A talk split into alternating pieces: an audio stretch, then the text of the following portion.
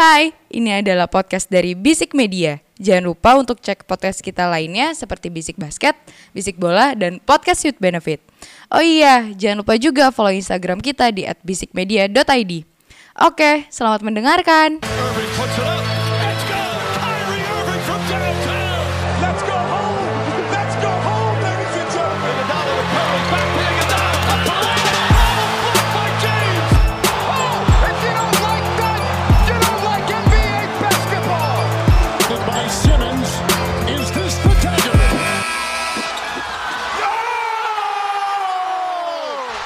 Episode 104 dari Bisik Basket, podcast seputar basket, NBA, dan juga dari basket yang abis juara SEA Games medali emas yang dibahas secara santai sebagai pecandu basket.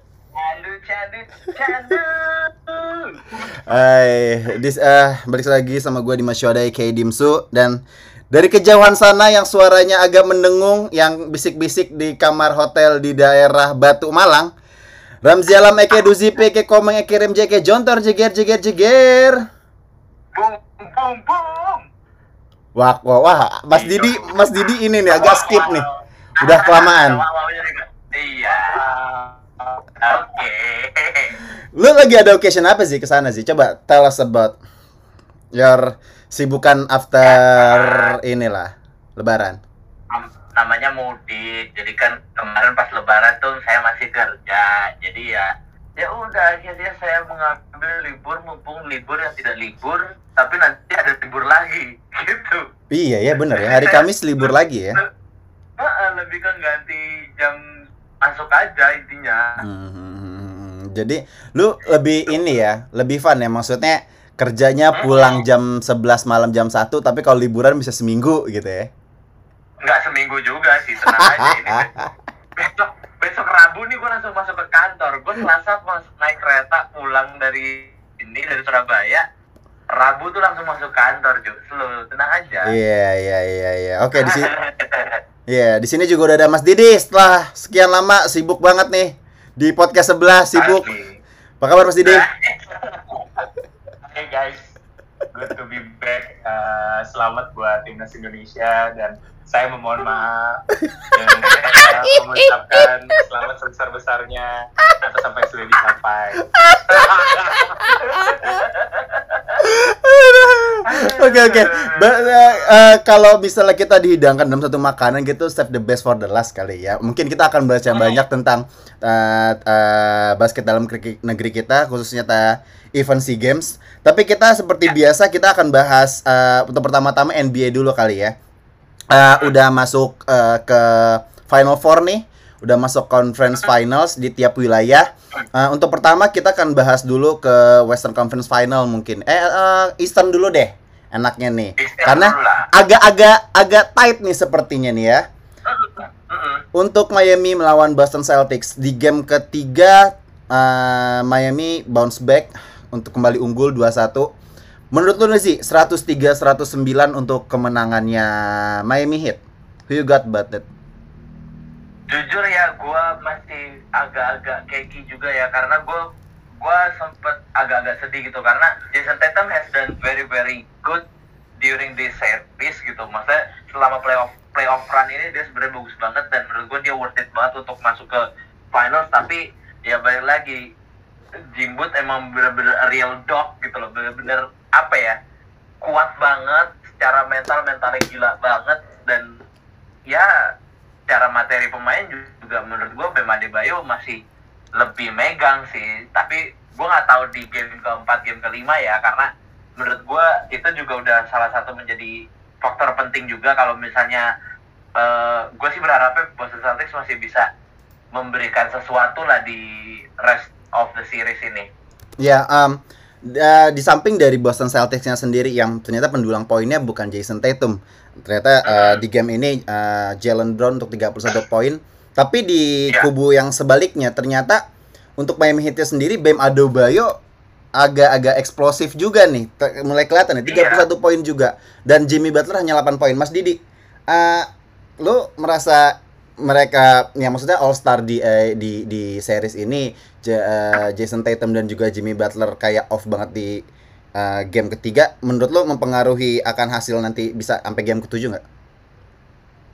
Kalau menurut gua ini eh, apa yang dilakukan sama Miami nunjukin kalau tim ini punya kualitas yang nggak bisa diremehkan gitu.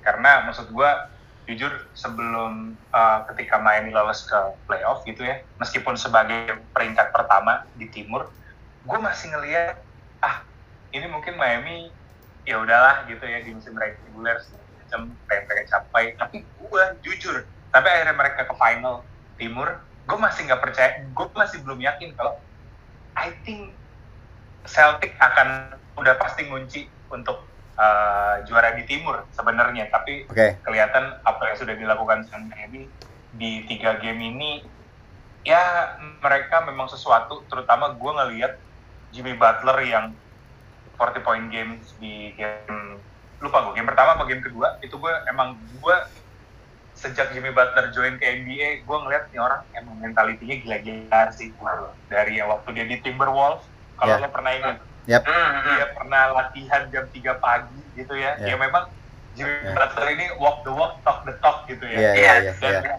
Iya. itu yang dilakukan sama Jimmy dan yang lebih bagus dari Jimmy Butler adalah dia bisa ngebikin teman-temannya juga jadi lebih bagus gitu loh. Betul, Hmm, hmm, betul. iya, iya, iya, Satu iya, hal iya. yang Hands over me, nobody hands over me. yes, itu yang dilakukan sama Jimmy Butler dan itu yang gue suka banget dan kelihatan di Miami Heat sekarang gitu ya. Ya Hmm. lo bilang di game terakhir Bam Adebayo yang bagus itu juga mungkin jadi momen pembuktian Bam kalau dia kan sempat dibilang terlalu soft sebagai serangan center tapi here we go gitu. Ya, ya, am, am, menarik banget untuk eh, series di wilayah timur ini karena yang seperti tadi udah lu mesti dibilang bahwa eh, emang Jimmy Butler lebih suka sholat malam mungkin ya, abis itu latihan sepertinya ya. Jadi menurut gua ya mungkin 8 poin dari eh, game ketiga ini cuman ya hanya kerikil kecil aja nggak tahu lah nanti di game keempat ataupun bisa selesai di game keenam. Tapi gua feeling bahwa apakah ini bisa sampai ke game 7 Zi? Gua sangat yakin bisa. Karena menurut gua gini, di seri sebelumnya waktu lawan Bucks, Tatum pernah mempunyai satu off night yang off banget yang cuman kalau salah dia cuma 10 poin apa kalau salah ya? Ya, Sama kayak Ya. game ini berarti ya? Iya, jatuhnya ini ya ya udah lu diem-diem dulu aja, dikasih ke jalan Brown dulu dan menurut gua Al Horford masih bisa dibilang kaget kali ya ternyata Bam Adebayo bisa se-eksplosif ini gitu. Ya, I mean, come on, dia udah bisa nge-shutdown Giannis juga. Menurut gua Bam Adebayo hanya ya apa ya sisaan mayones lah.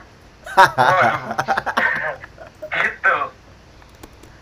Ya ya ya ya tapi ya. gini, ya. tapi gini, tapi gini. Ya. Kalau 3 kemarin. Yep. Hmm. Satu hal yang uh, menurut gua selain faktor Bama di Bayu itu yang bisa nansel itu adalah dengan adanya PJ Tucker.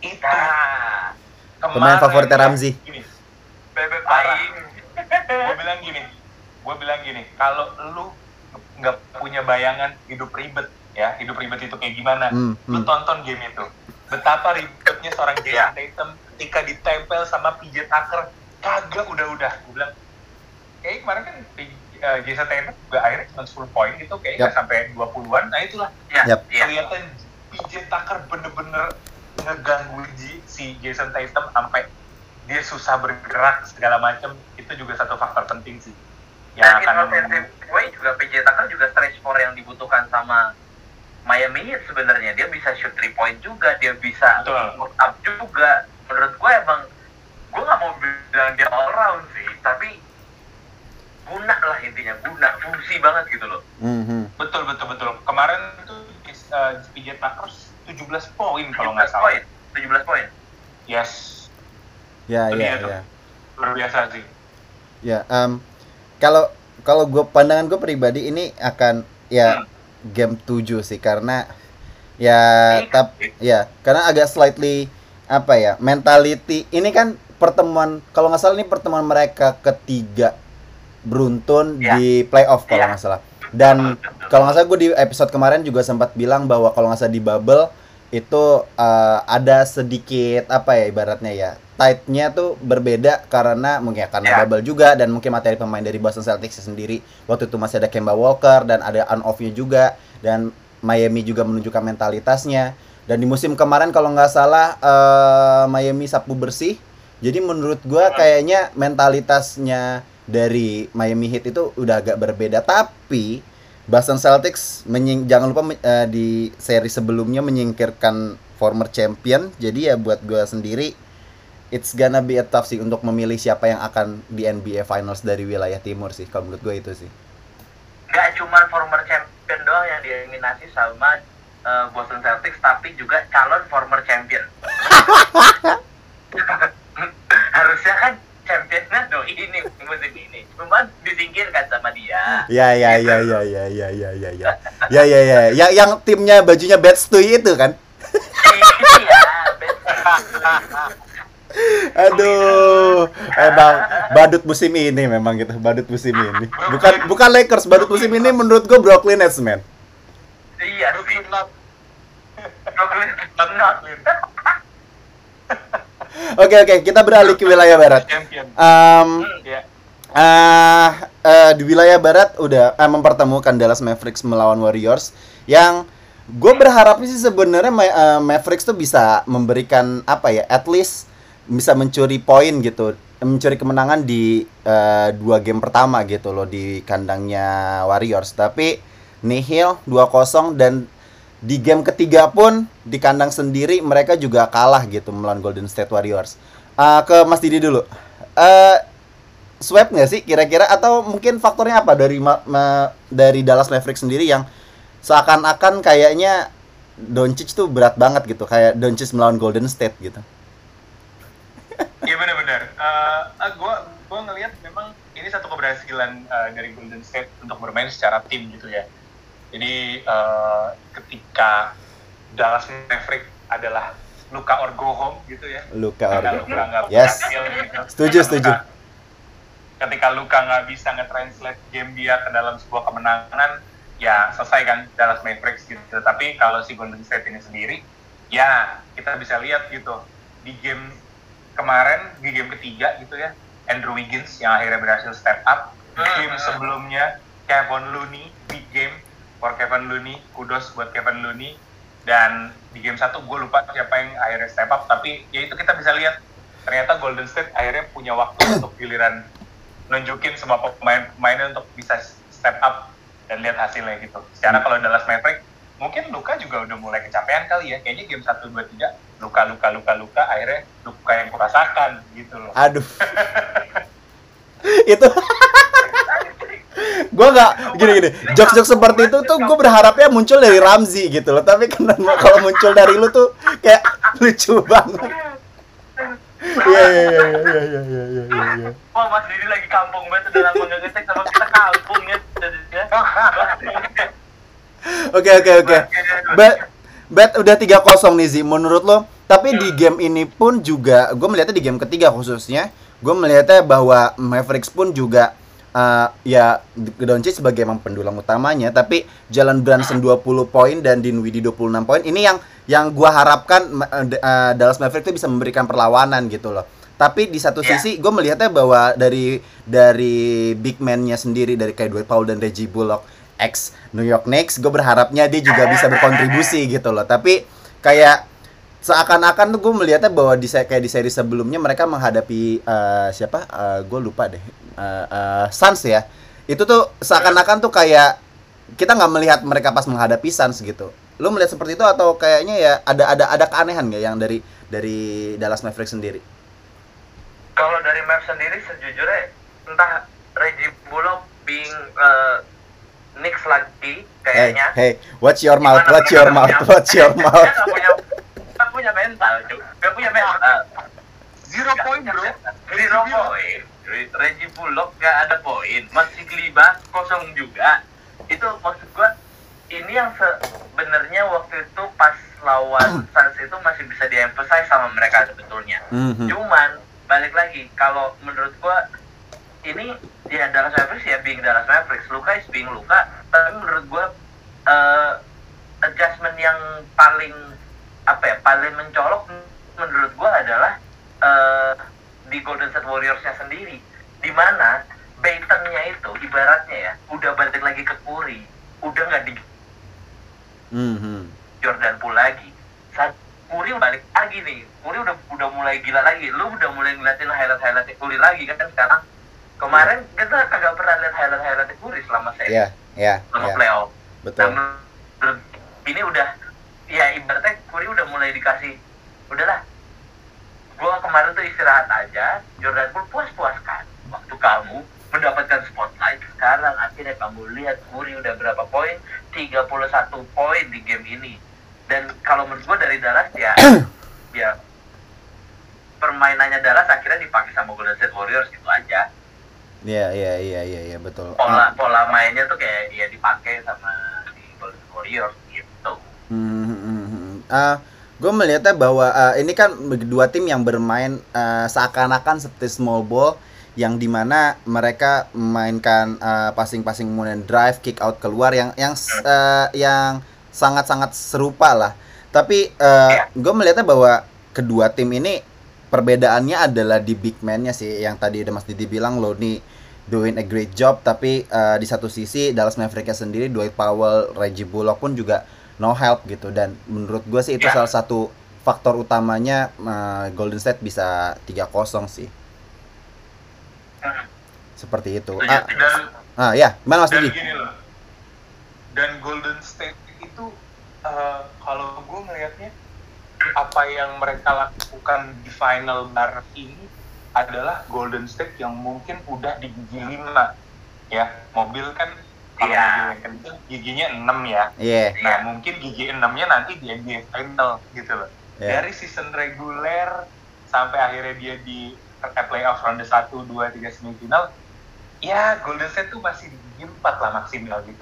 Kelihatan nih ketika masuk final, ya lihat sendiri udah 3-0 gitu lawan Dallas. Iya. Dan ya Golden State bukan tiba-tiba mereka kemarin jelek, kemarin biasa aja, sekarang bagus. Enggak gitu loh. Kelihatan dari sisi defense-nya juga Golden State di lawan Dallas Maverick ini, mereka benar-benar ngejalanin semuanya sesuai dengan skema dan itu yang bikin Dallas akhirnya mungkin cukup kaget ketika ngadepin Golden State dan susah juga untuk bisa cukup maksimal mainnya. Iya. Itu sih. Jadi mereka nggak Golden State tidak dibangun dalam satu malam gitu Iya. loh. Sebagus ini gitu loh. Hmm, hmm. Serta tau Lu hmm. kayak- yang paling lucu tuh yang paling lucu tuh kemarin gue cek di gue lupa di Bleacher Report apa di mana gitu. Ada fansnya Maverick langsung nyiapin. Jadi gamenya masih berjalan tapi kayak udah udah hampir fix kalah terus lagi nyiapin IG story gitu. Tulisannya they acting tough when they're up.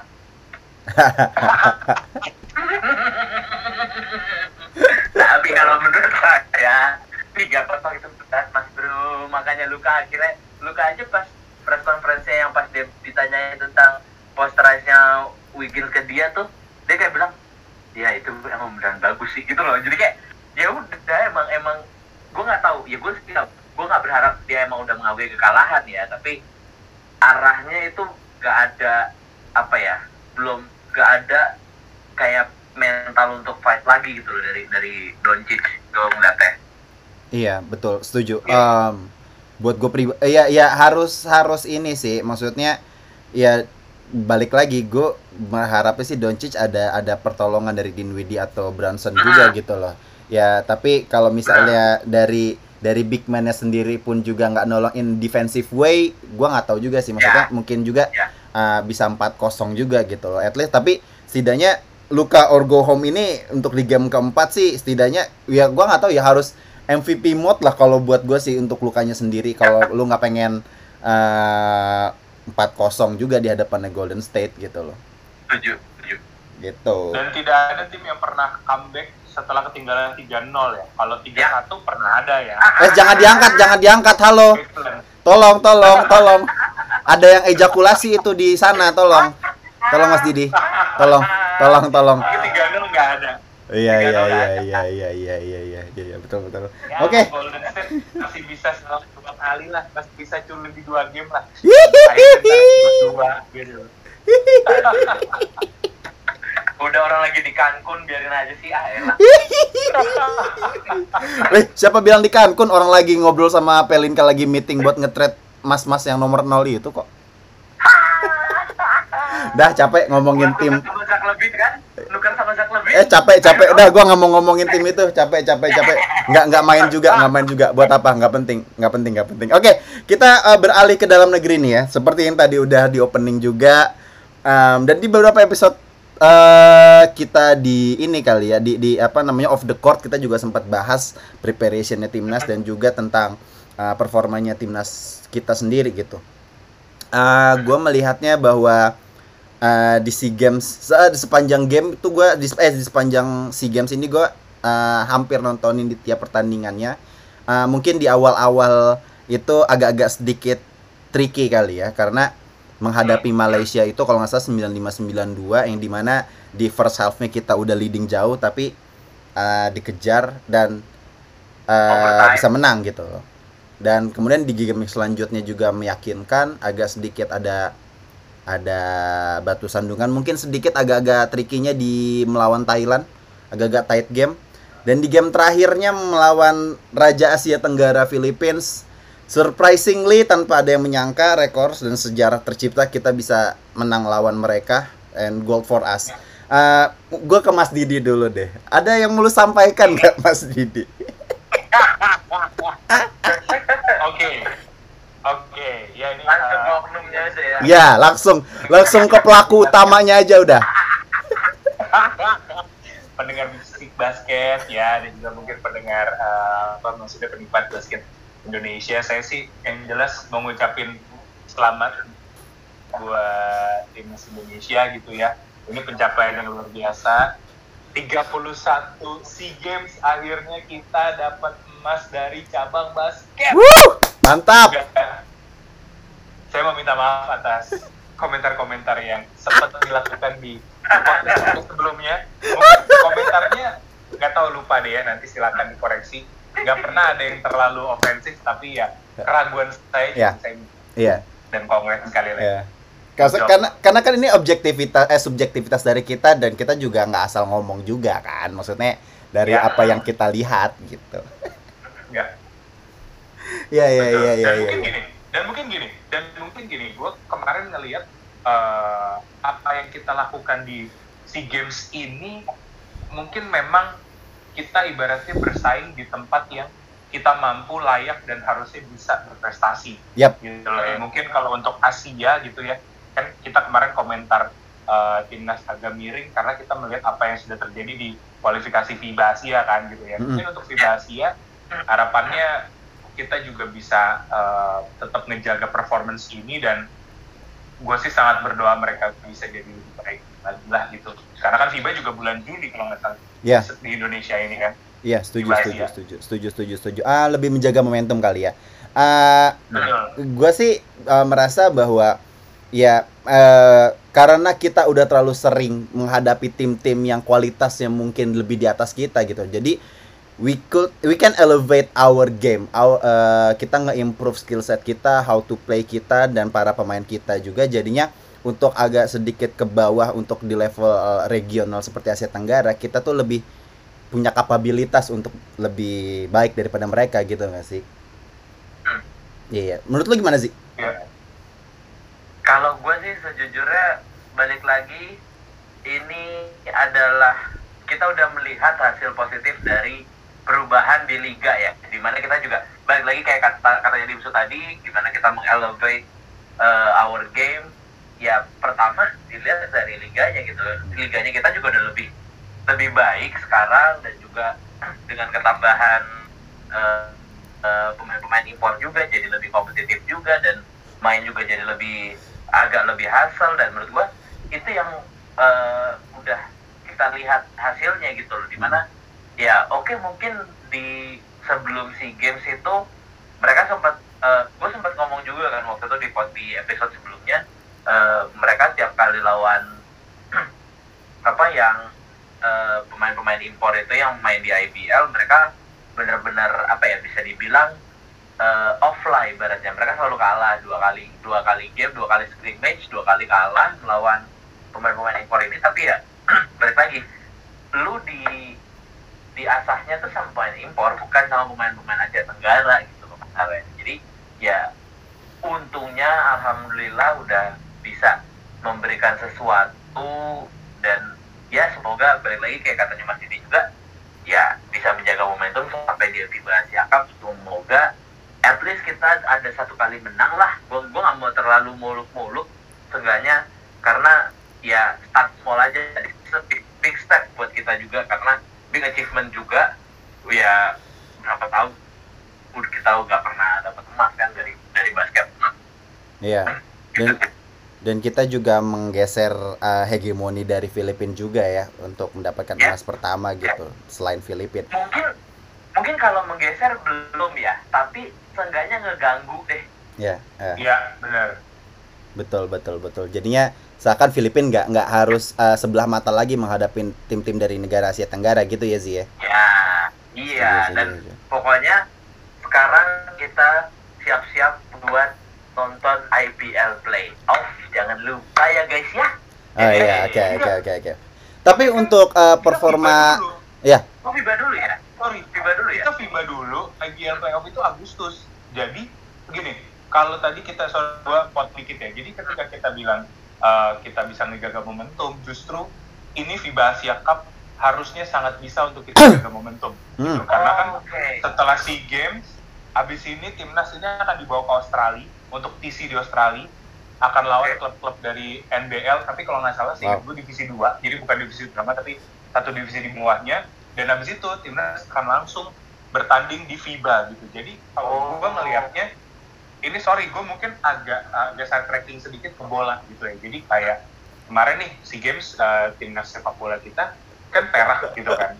Padahal uh, di pen, pe- apa, di Perunggu, kompetisi perunggu, perunggu. sebelumnya AFF AFF Perunggu, itu kan eh, sorry di perunggu perunggu sorry di perunggu. Padahal kita di sebelumnya AFF kita kan akhirnya kalah di final sama Thailand kan gitu. Nih ya. gue ngelihat gini ada ada sedikit hal yang berubah gitu dari timnas yang di AFF dengan performa timnas di SEA Games ini kita ngomongin sepak bola ya nah salah satu hal yang menurut gue bikin timnas itu yang komposisinya timnas sepak bola itu 70% sampai 75% sama tapi kok penampilannya beda adalah karena abis AFF main di liga terus SEA Games nah Hmm, hmm, Oh, hmm. lah. iya. Oke, oke. main di liga ini nih pemain timnas ini mungkin settingannya jadi default lagi akhirnya dibawa Ya. ke SEA Games hasilnya kayak gini kalau timnas basket dengan abis ini TC ke Australia langsung itu Iya. cara apa maksudnya untuk anak-anak bisa ngejaga momentum ini pas banget gitu sih gue ngeliatnya Iya iya iya iya iya iya. menarik menarik menarik Setuju, menarik. setuju, setuju, setuju. Tapi gue meng-highlight settingan default. Tapi untuk olah cabang olahraga itu gue gua nggak nggak nggak banyak eh, berkomentar lah karena eh, ya mungkin netizen netizen di luar sana yang yang lebih pandai, yang lebih lebih lebih mengamati gitu. Kalau gue pribadi ya kalau gue sih agak skeptis tuh biasa gitu ya. Maksudnya kemarin di IFF pun juga gue melihatnya hanya for the sake of momentumnya itu karena memang ya karena kita udah lama nggak bermain dengan kancah eh, yang terbaik gitu ya dan kita juga jadi bulan-bulanan juga jadi menurut gue ya kayak momentumnya lagi bagus aja. Dan terbukti kan settingan default yang seperti tadi Mas Didi bilang Liga 1 terus kemudian di SEA Games juga sebenarnya nggak buruk-buruk amat sih tapi ya ya ya begitulah. Wembley. Ya iya ya. iya iya ya emang. tapi gue mau nanya sama lo berdua. Tapi lo mau nanya sama lo berdua. Di apa yang sudah dicapai sama timnas basket di SEA Games ini apa yang bisa lo highlight dari penampilan timnas basket gitu? Hal highlight yang bagus ya maksudnya ya gue mungkin gue bisa tambahin lagi kali ya. Mungkin lo bisa ngasihin overall uh, overview lo selama di SEA Games ini timnas Boleh. ini dapat rating berapa sih dari 0 dari 1 sampai 10 gitu kali ya? Boleh sih duluan sih ya boleh. Buat duluan nih yo. Eh, kalau buat gue sebetulnya drama di dalam tim itu tuh dibutuhkan tapi untungnya kita bisa melewatinya itu satu. Dan yang kedua untuk overall tim ya I mean gini. Beberapa tim yang ya kita lihat eh, turnamen-turnamen besar internasional gitu ya. Kayak mungkin Piala Dunia gitu Piala Dunia sepak bola. Dulu banget gue inget banget tuh Spa- waktu Spanyol juara di awal-awal mereka kompetisi itu Spanyol juga kalah dulu bahkan. Hmm. gitu. Tapi ya itu bukan jadi standar mereka untuk mengambil kompetisi tersebut gitu loh karena you still have several games untuk ya you can win gitu loh. Intinya itu sih itu satu dan yang kedua mungkin gue sangat bersyukur karena kita mengukir sejarah ini dengan nggak terlalu banyak pemain-pemain veteran. Tadi sebelum podcast gue juga sempat ngobrol sama Mas Didi, kayaknya yang beneran veteran banget dan ibaratnya yang kayaknya eh, bentar lagi udah mau jadi apa itu eh, udah mau jadi uzur lah, udah udah mau pensiun gitu ya. Menurut Arki doang. Dan itu yang sangat gue eh, apa ya, gue syukuri juga gitu loh karena ya berarti masa depan eh, basket kita ya bagus Yap. Terus juga terlebih cara gue nggak mau nggak cuma lihat dari five ya three on three nya juga nggak jelek-jelek banget gitu loh. Itu yang sangat-sangat apa ya bener-bener Di 3x3 kita pun juga ngalahin Filipin FYI. yes. Yes itu dia. Makanya bener-bener nih lagi emerging banget momentumnya lagi ada banget dan lagi ya semoga banyak pemain-pemain muda ya kita udah ngeliat lah apa kayak ya Mukiran saya terus juga ada Ali Bagir itu semoga aja mereka bisa apa ya eh, konsisten terus gitu loh mainnya bagus terus Yap. juga memberikan yang terbaik juga selalu buat timnas intinya gitu sih Iya, iya, setuju. Lu gimana sih? Kalau kalau rating rating udah maksudnya eh, maksudnya sorry kalau misalnya dari dari 1 sampai 10 performa timnas di SEA Games delapan setengah sih karena gue masih melihat ada beberapa something off dan menurut gue yang ngebuat gue ngurangin dari 10 masih di game pertama mereka di Malaysia tuh menurut gue lu harus bisa ngejar untuk ngejaga lead intinya gitu. Ya. sembilan setengah? Iya. delapan setengah. Delapan setengah oke. oke oke oke oke oke.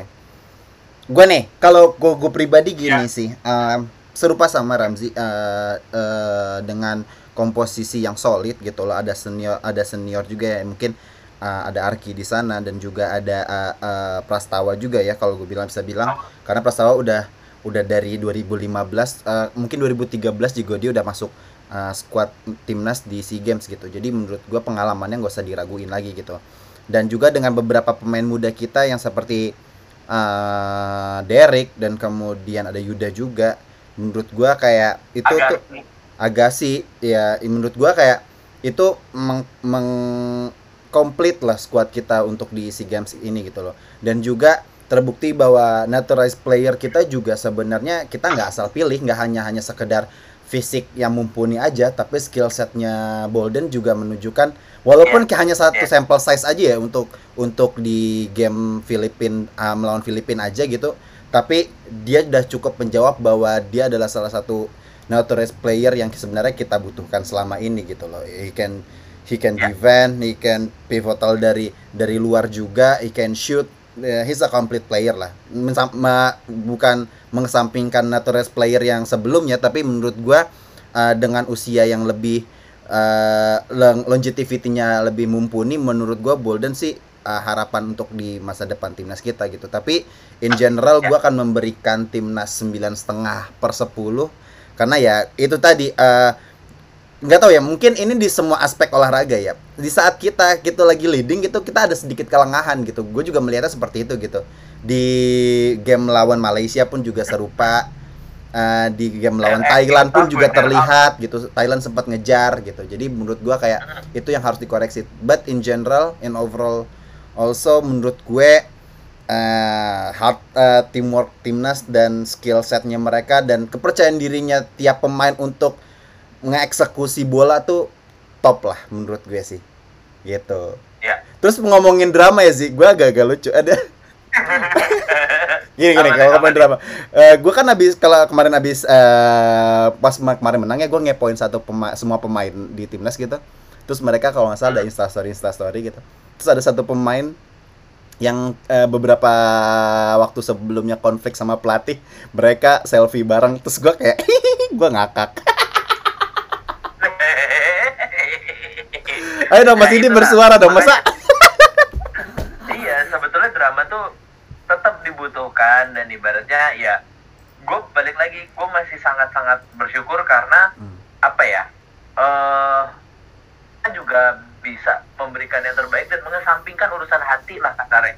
Ya kalau misalnya mungkin orangnya kejawen banget gitu kasarnya ya. Kalau kejawen banget ibaratnya mungkin dia akan agak-agak ini kok orangnya kayak gini sih? Nggak nggak profesional gitu. Loh dan gue melihatnya wah berprofesional banget sih sekarang itu sih Yeah. Despite all that, gitu Iya.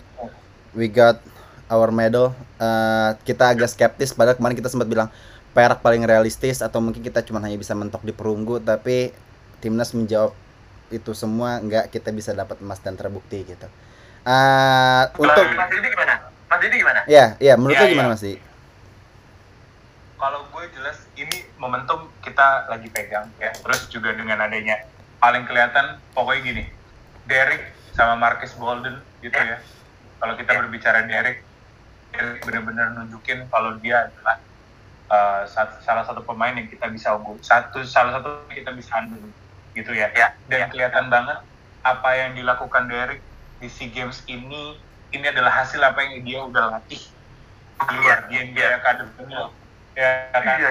dan justru gini itu nunjukin perbedaannya gitu loh. Derek tuh nunjukin perbedaannya gitu. Apa yang sudah dilakukan Derek di luar sana ditranslate ke SEA Games dia jadi salah satu pemain yang menurut gue vokal point dari permainan timnas. Ya, setuju. double double kalau nggak salah sempat dua kali. Tiga Ya. dua kali double Ya. poin dan juga rebound gitu kan. Dan kita ngomongin Marcus Bolden.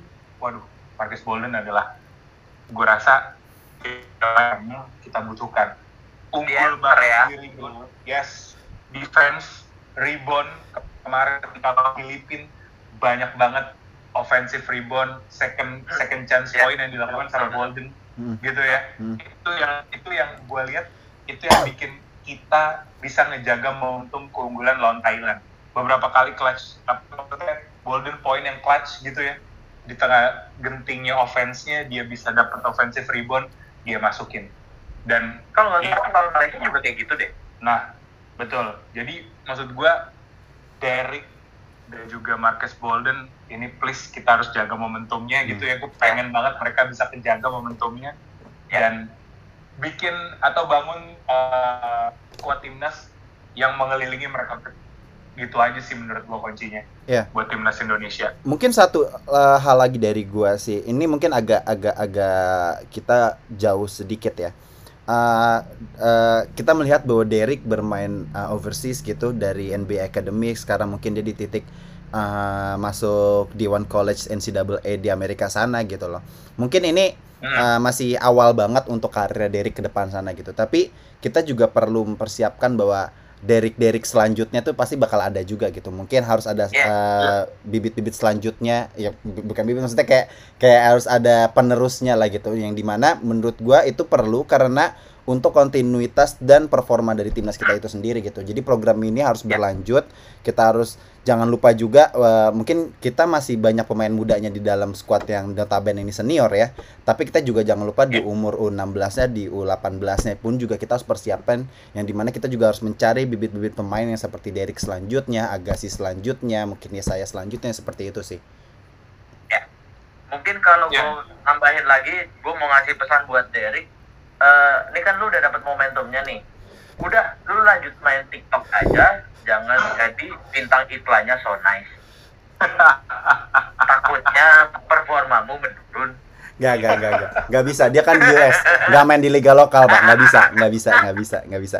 TikTok, TikTok udah cukup aja. Oke main TikTok nggak apa-apa, nggak apa-apa. Gua, gua approve kalau main TikTok gak masalah, gak bisa ya.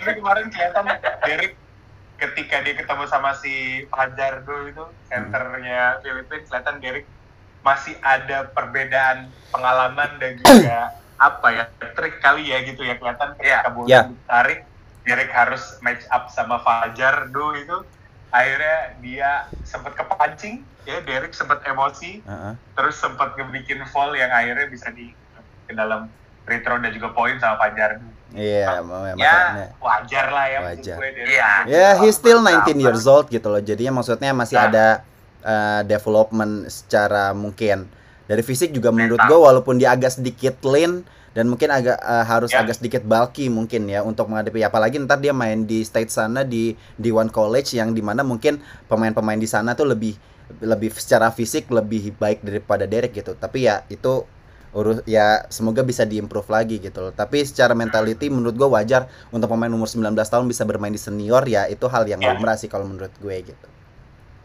betul betul betul betul Gitu. dan ini ini satu hal yang juga menarik buat gue nih satu aja nih jadi kalau kita ngeliat staff pelatihan dari timnas Indonesia gitu ya ini secara resmi pelatihnya siapa siapa pelatihnya kalau si games yang kemarin Bali kan?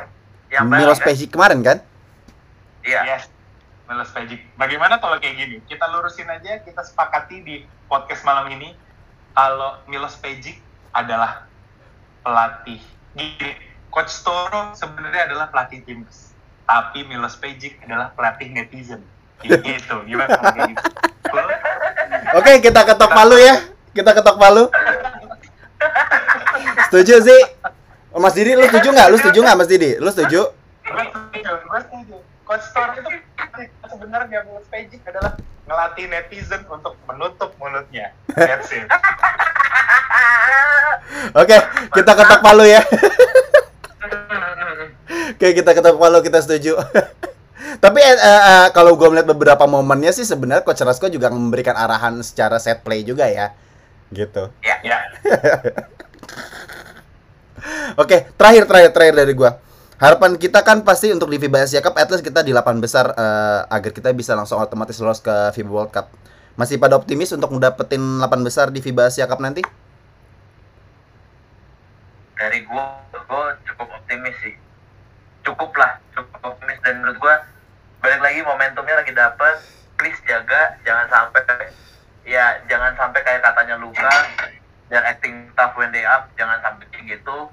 Pokoknya ya yang terbaik aja lah tapi ya intinya eh, buat gua ini adalah udah sesuatu banget kalau misalnya eh, dapat sampai 8 besar ya alhamdulillah kalau misalnya enggak juga apa-apa. Iya. Mas Didi, setuju? Bisa 8 besar kita optimis? kita bicara setelah hasil TC di Australia aja kali ya. Masih agak goyang berarti. Masih agak goyang. Masih agak goyang. Tapi kalau gue pribadi sih, ya ya ya ya. Momentum, gak mau ngerusak momentum, tapi lihat aja habis TC itu lah. Iya iya. Enggak Ya. sebenarnya lu takut lu sebenarnya optimis cuma takut ngejinx saja kan? Betul. I don't want to jinx it. Enggak. Mendingan mendingan tuh sekarang kata-katain dulu Mas Didi biar mereka bisa. Anjing.